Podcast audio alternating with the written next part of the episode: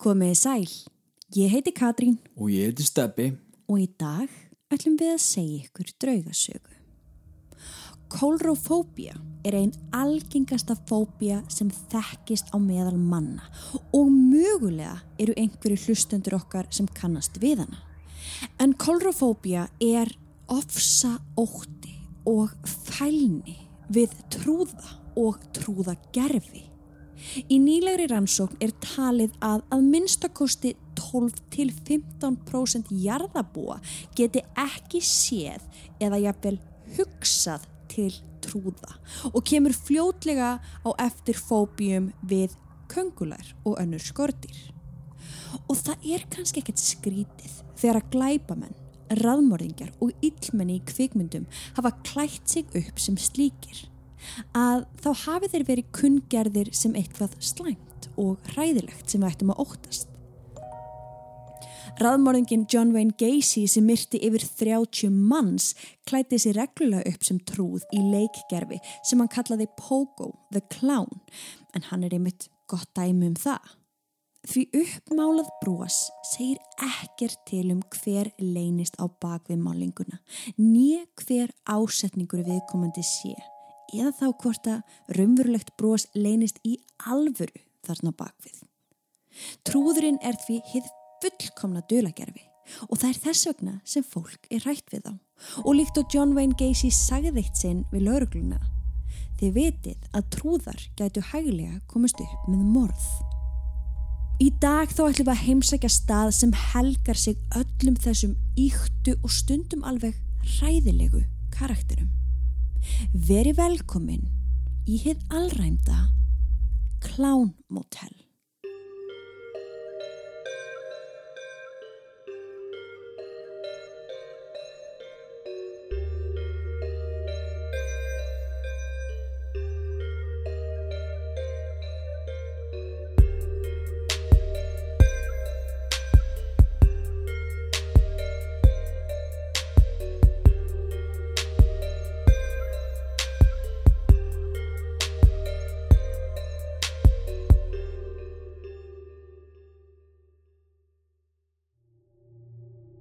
Við viljum minna á að draugasögnar okkar eru ekki við hæfi barna yngre en 13 ára nema með leifi fullorna. Og með því hefjum við sögu dagsins. Við erum stödd í litlum bæ í miðri Nevada eðimörkinni sem ber nafnið Tonopah og hann er einn af þessum gullnámi bæjum sem spruttu upp viðsveri kringum aldamótin 1900 þegar að maður að nafni Jim Butler kom auga á henni verðmæta málm fyrir algjöra tilviljun árið 1901. Hann tók upp stein sem hann ætlaði að kasta í fuggla sem voru að hræða hestinans. Jim fannst grjótið ansið þungt þegar hann tók það upp og tók þó eftir því að hann hjælt á silfur klump. Á nokkrum dögum fylltist þessi vesalis bær af hundruðum manna í leit að gróða. Árið síðar eða árið 1902 var íbúafjöldi um 650 manns sem er talsverður fjöldi í miðri eðimörk þar sem áður var nákvæmlega ekki neitt. Já, skiljanlega. Námugöng voru grafin viðsvegar um bæin og uppskar gull, silfur og kopar að vermæti yfir 200 miljónum bandarækjadala á komandi árum. Með öllum þeim þúsundum sem flyktu staði vonum að fá sneið af kökunni opnuðu barir og veitingastæðir, hótel og bankar og annar sambarlegu rekstur sem þurfti til í venjulegu samfélagi. Mm -hmm. En eins og við höfum oft farið yfir í þáttunum okkar, þá voru ekki öll dýrin í skóginu vinir þegar að koma gull námu bæjanum svokalluðu og, og þeir rauninni voru bara svona eins og vilda vestrið Já, á, á þessum tíma. Þetta var bara skilgreiningin á því. Og með vaksandi fólksfjölgun verða fljótlega döðsföll.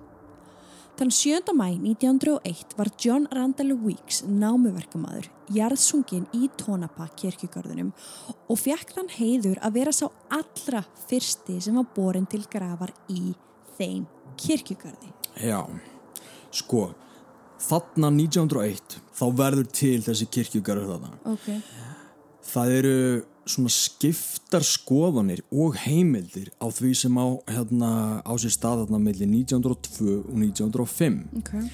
það er ákveðin pláa sem að geisa nefir sumir heldur þetta væri hreinlega bara lúnabólga en aðrir að þetta væri hreint og beint óhreinlæti Í bænum. í bænum Ok.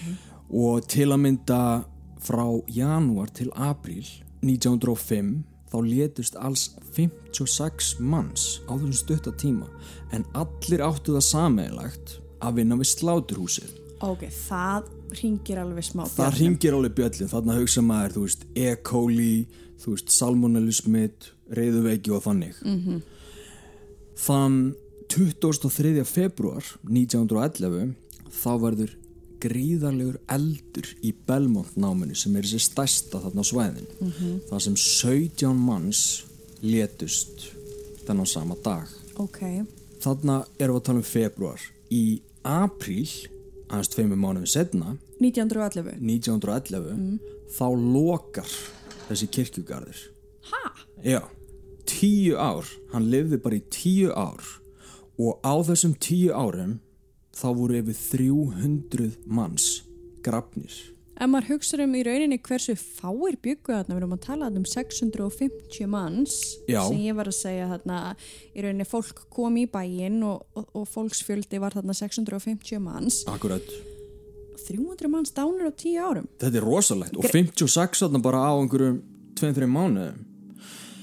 Það sem er líka svo merkilegt við þennan furðulega kirkjugarð, ég ætla að leiða mér að segja það. Það er að á öllum leggstennunum þá er skrifað dánar orsök þar á meðal skotin í hausinn kviknað í honum. Það er svona eins og þeir hafi viljað halda rosalega vel utanum þetta. Já, skrásett. skrásett þetta en síðan einhvern veginn bara mist tökin kannski Já, af því að fólk einmitt. var að deyja uh, í svo öll slísum, já, eldsvoða og, og þeir voru náttúrulega líka bara skjótandi hvern og annan. Einmitt. Og það var síðan aftur eldur sem kviknaði í námugöngunum 1942. Það er ekki svo langt í burtu frá okkur. Nei, Og námurnar lokuðu þá endanlega í kjölfarið. Þó bærin hafi þarna verið næstum tómur eftir að gullið tók að minga. Og þið sem hafi hlusta á sögurnar okkar, þið viti hvernig þessi bæri virka. Fólk var að koma þarna, allt í henni byggu ótrúlega margir, allt í henni voru hérna búðir og bankar og allt þetta sem þurfti. Og svo einhvern veginn nokkrum árum setna voru kannski fimm hræður eftir Já. sem skutu síðan hvern annan. einmitt og þá er þetta bara búið Einmitt. Þetta var að gerast í Body Ghost Town Einmitt. Goldfield, Cripple Creek Já, Bara- rétt. út um allt En stuttu setna þá kom óvænt fjármagn í bæin frá allra ólíklegustu átt og var starfseminn sem fylgdi sennilega eina sem var hættulegra en látlausar námusprengjur. Bandaríski herin byrjaði nefnilega að nota hluta tónaba sem tilraunasvæði fyrir kjarnorkusprengjur. Area 51 hið háleinilega hersvæði í Amargosa er þarna rétt hjá bænum Tonopah. En Area 51 þarf varla að kynna. Um svæðið hefur lengi verið uppi orðrómur um að bandaríski flugherinn stundi þar rannsóknir og tilraunir á geimverum og geimskipi sem hrapaði til jarðar. Eða þá að flugherinn sé að þróa einhver vopn í neðanjarðarbyggingum þar. Sannleikurinn er samt sá að það veit enginn nema hátt settir embætismenn hersins og æðstu stjórnendur landsins hvað það er sem raunverulega fer þarna fram. Og þannig hefur það verið allt frá árunu 1955 og líklegast mun það alltaf vera þannig um ókomna tíð Ég allavega. held það alveg bóttið Við fáum aldrei að komast að því hvað, hvað er að segja þarna En ástæðan fyrir því að við nefnum Area 51 er vegna þess að þegar herin byrjaði að nota tónabasvæðið þá var það svæði eða bærin Bærin sjálfur eiginlega kallaður Area 52 Já, spóðið því. Þannig að þeir, eru- þið getur ímyndað ykkur bærin er það nálægt Mhm.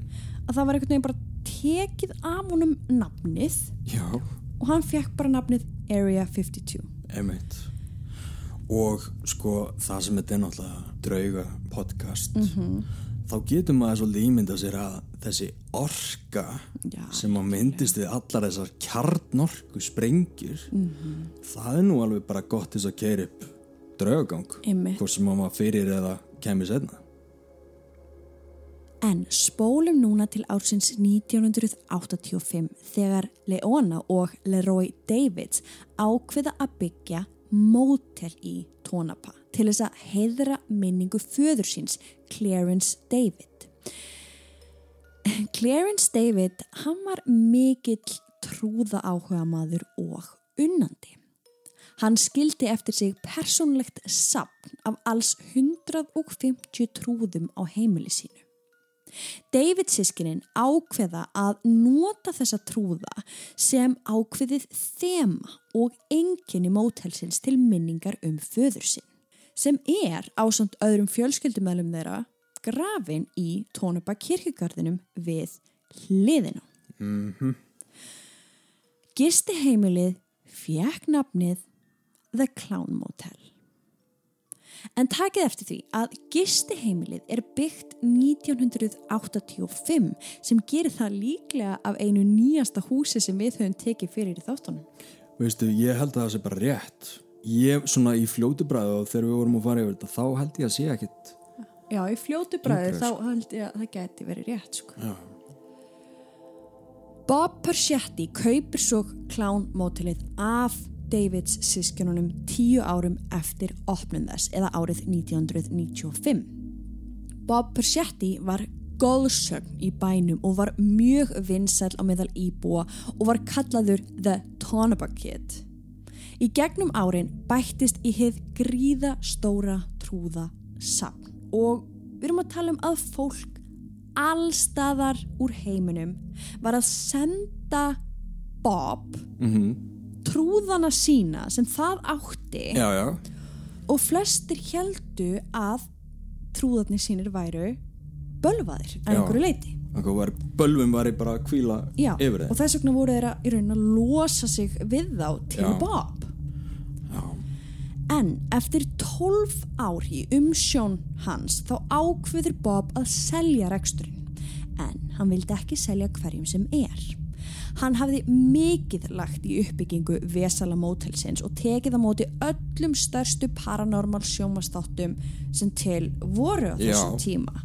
Svo skilir þeim við söluna voru þau að hver sá sem tæki við þyrti að hafa staðin eins og hann er og var og haldunum sem trúða mótel áfram. Og það hendaði vel því fjölskylda indversks manns að nafni Hame Anat hafði verið stórtæk í hótelbransunum í Vegas og nágræni og Hame Anat átti sjálfur gríðalegt af trúðum og sapgripum.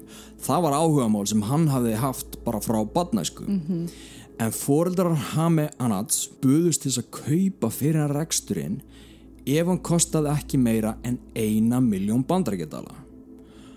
Bob Puchetti vildi sem betur fyrir ekki meir en 900.000 dólarar fyrir staðinn og seldi Hame Anat mótilið árið 2017 og hann er ennþá eigandi þess í dag árið 2021 Mm Þannig að þetta er ekki margir eigendur sem að í rauninni mótili hefur Nei. gengið í gegnum. Nei En þetta er náttúrulega svolítið svona áhugavert áhugamál Mjög. En trúðar hafa náttúrulega verið bara til frá upphafi og alveg frá sko 2400 fyrir Krist þar sem þeir voru í rauninu bara svona málaðir upp sem einhverja fíguru til þess að gleðja aðra bara sem svona skemmtiatriði. Og hafði alltaf verið það þangað til svona árið 1940 þegar að Jókerinn byrtist í teknimyndasögum með Batman. Þá er hann alltaf í orðin vondikallin en trúðar voru alltaf bara mjög vinsælir og skemmtilegir þú veist í, í sirkus og fjölleikahúsum og alls konar. En svo er það ekki fyrir en svona árið 1970 einmitt þar sem að þeir fá svolítið slæmt orð á sig. Og þá erum við að tala um hryllingsmyndir við erum að tala um Jason við erum að tala um Michael Myers í Halloween myndunum Jokerinn auðvitað og svo Purge myndirnar. Þú veist, þetta vindir allt upp á sig og, Og náttúrulega John Wayne Gacy. og auðvitað John Wayne Hann Gacy náttúrulega var rosalega stór partur örgla ég held það sko af þessu öllu saman.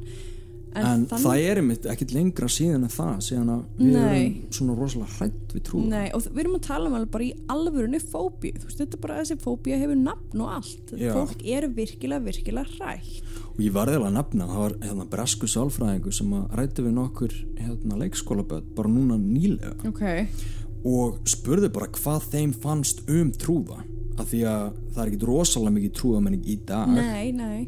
Og flest þeirra voru bara skítrætt af því þetta er eitthvað sem er svo íkt þetta er eitthvað sem er plat.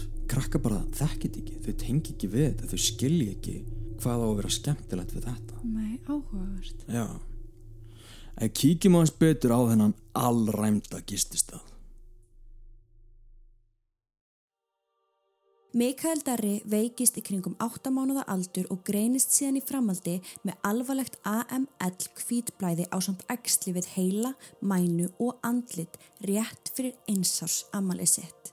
En baráttunni er hvergi lokið þar sem Mikael Darri er búin að vera í geislum og svæfingu á hverjum degi í desember og janúar vegna illkynja krabbamenns og nú er systran Sunna Líf komin í rannsóknir vegna hnúðs sem fannst í skeifugörninni og mikil veikindi síðustu vikur. Óvissan er því mikil með bæði börnin. Saman getum við hjálpa þeim svo mikið. Reikningsnúmerið er 536 höfubók 26 8389. Kennitalan er 1303 84 83 89. Hjálpum Mikael Dara og fjölskyldu hans í þessu erfiða verkefni.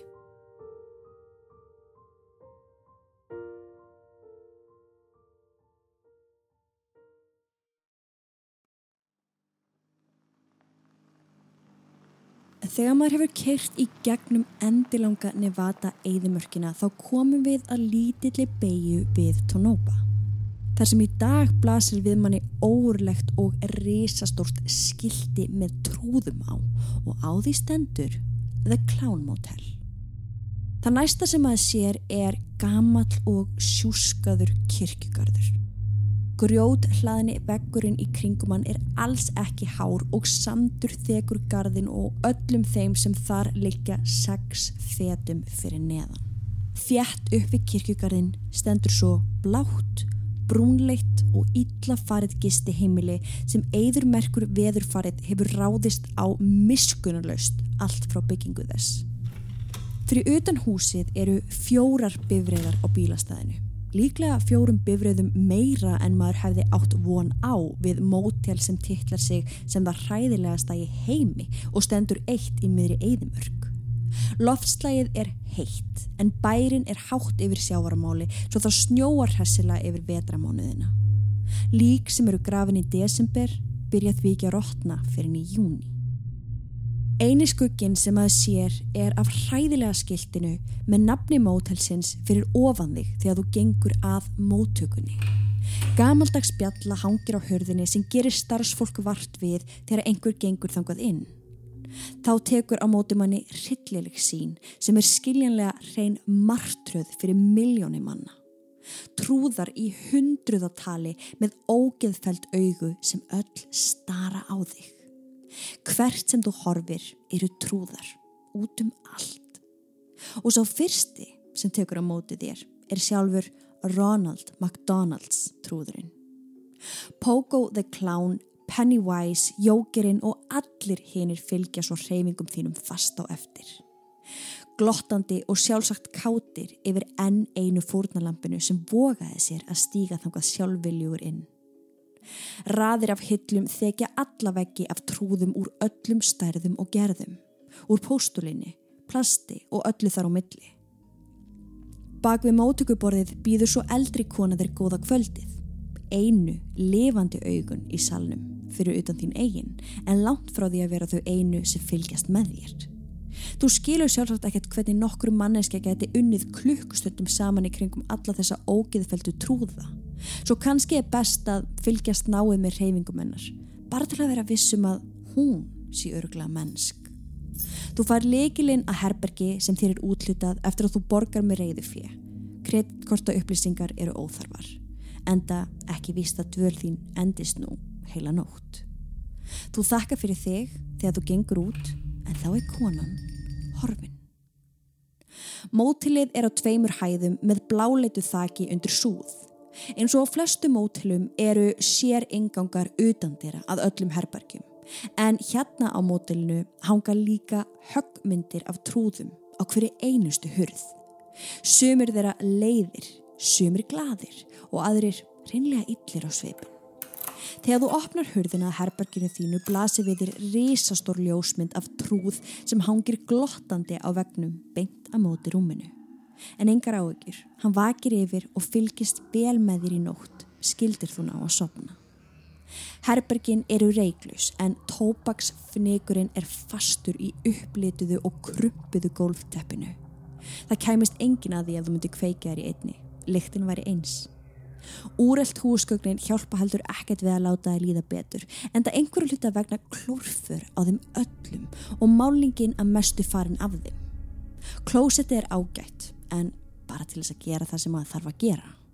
En í guðanabænum þá skaldur láta styrtuna alveg í friði því gólfteppið frammi er sennilega hreitna og guð veit hvaða syndum þúsundur manna hafa skólið þarna afstyri gegnum tíðina. Það er líka gagslust að tengjast þrálusu neti því símiðin virkar hvort sem er lítið sem ekkert þannig enni. Sambandið er þó mjög gott um leið og þú gengur aðeins frá mótelinu. Svipaða sögu er að segja um önnur aftæki en þetta er mjög algengt á stöðum sem þekktir eru fyrir mikinn draugagang. Sjáðu til dæmis gamla reysastóra túbusjónvarpið í herberginu. Á því er engin fjastering því þær áttu það vist lengi til að vera hend í gesti af ósiðum öflum nú eða sjónvastækið hækkað og lækkað algjörlega af sjálfum sér. Þú þarfst því að standa upp og kveikja á sjónvarpinu. En það er ekki ein einasta stöð sem hægt er að horfa á, þó mótilið gefið sér út fyrir annað á heimasíðu sinni.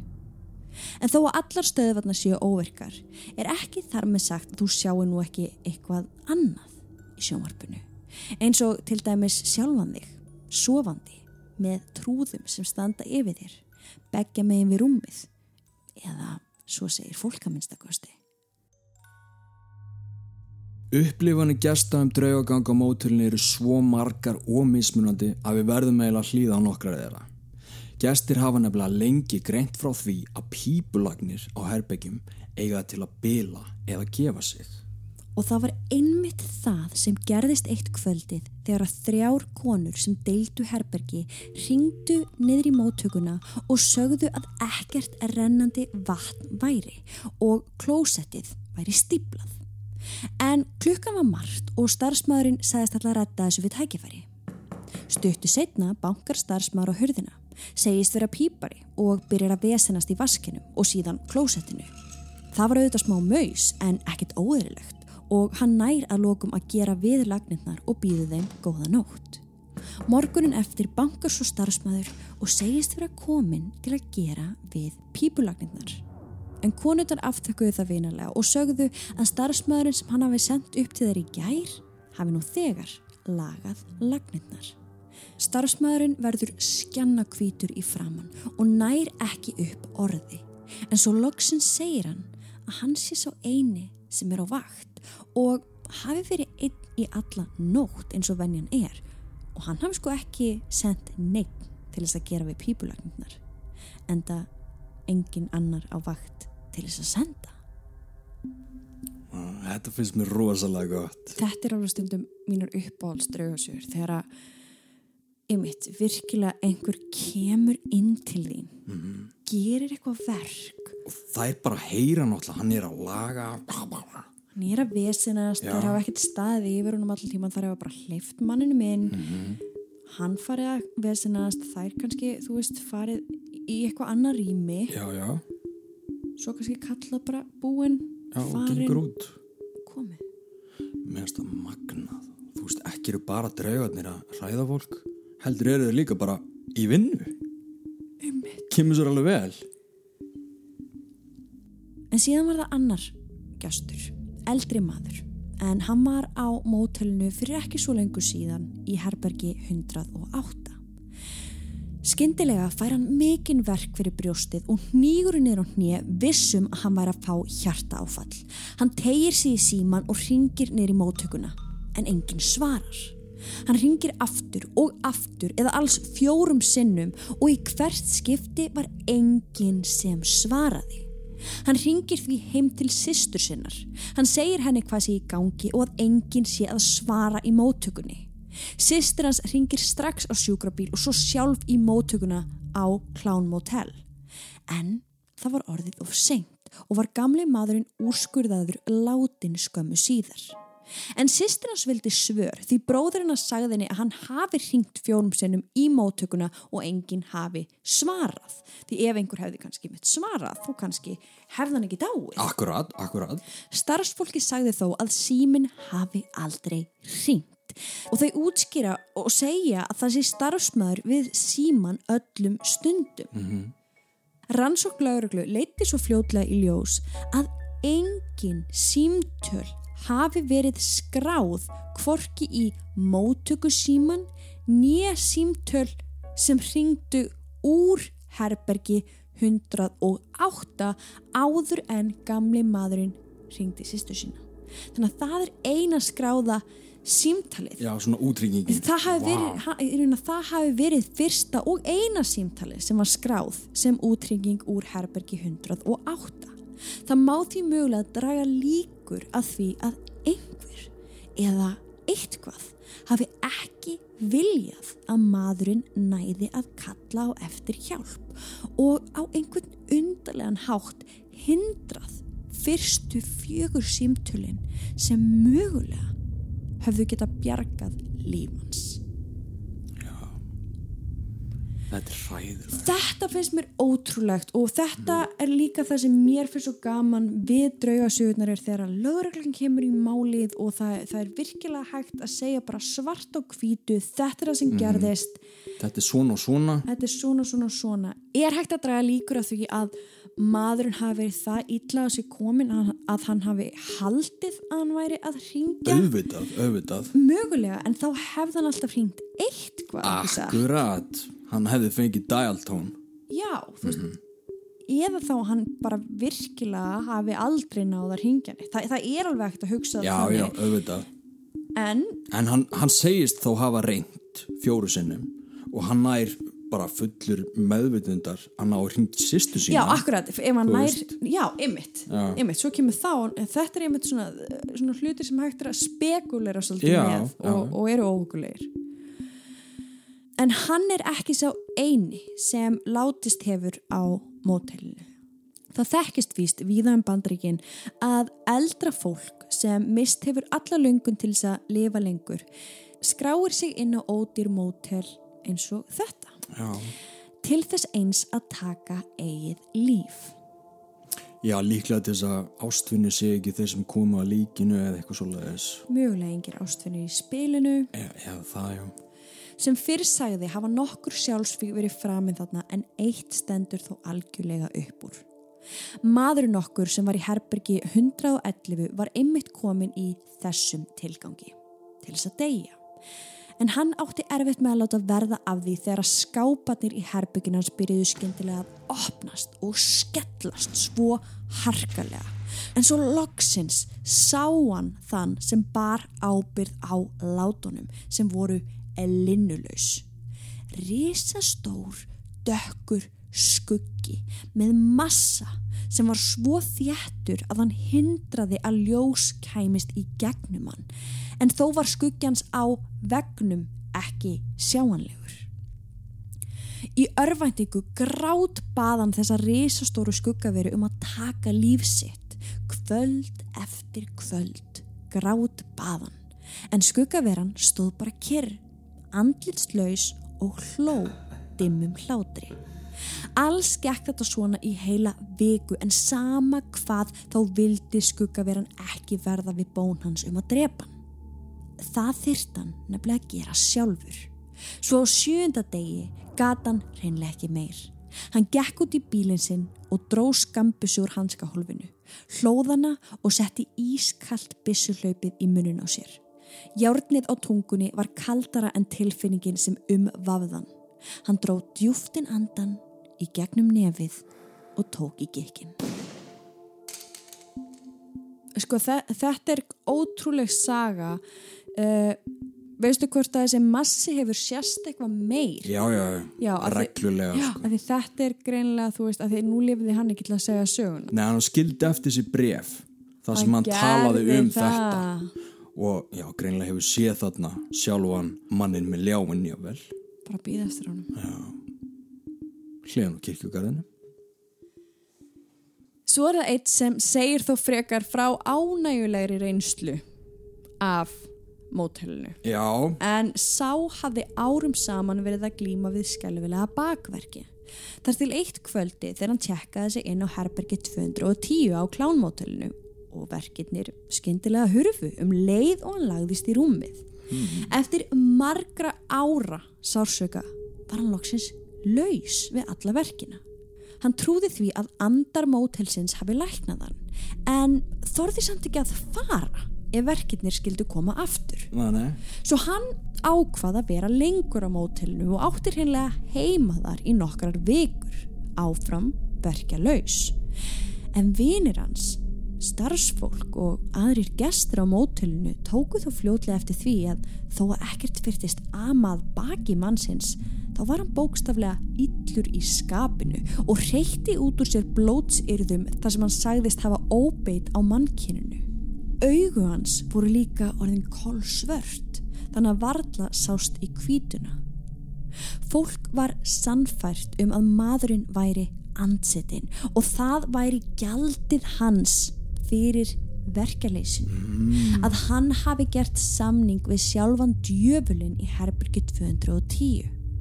Nokkrum vikum eftir að hann fyrst kom og upplifði sína fyrstu verkjalösu nótt í ára raðir fannst hann látin í herberginu sínu eftir hjartaáfall. Margir sem hafa gist í þessu herbergi eftir döðsfallið hafa greint frá því að skápahurðir séu reglulega opnaðar og skellt ítrekkað. Eins að oft sé bankað á hurðina í kringum þrjúleitið á nóttunum en engin verið þegar að fara til dyra. En það gerist reyndar á öllum herbergjum mótilsins. Þetta eru ótrúlega sögur, allt á einum stað. Já. Og þetta verðist ekkert vera bundi við eitthvað ákveð herbyggi þó að, þó að nokkur herbyggi séu vissulega jú svona aðeins aktífari heldur en annur en þetta er að gerast á öllum herbyggjum. Í móttökunni heyra gestir og starfsfólk reglulega í trúðunum þar hlæja eða klóra í hyllunar. Sumir þeirra eiga það einnig til að færa sig um stað. Höfuð trúðana sem þarna eru snúa líka gerðan í áttað fólki en líta undan ef hort er á það tilbaka.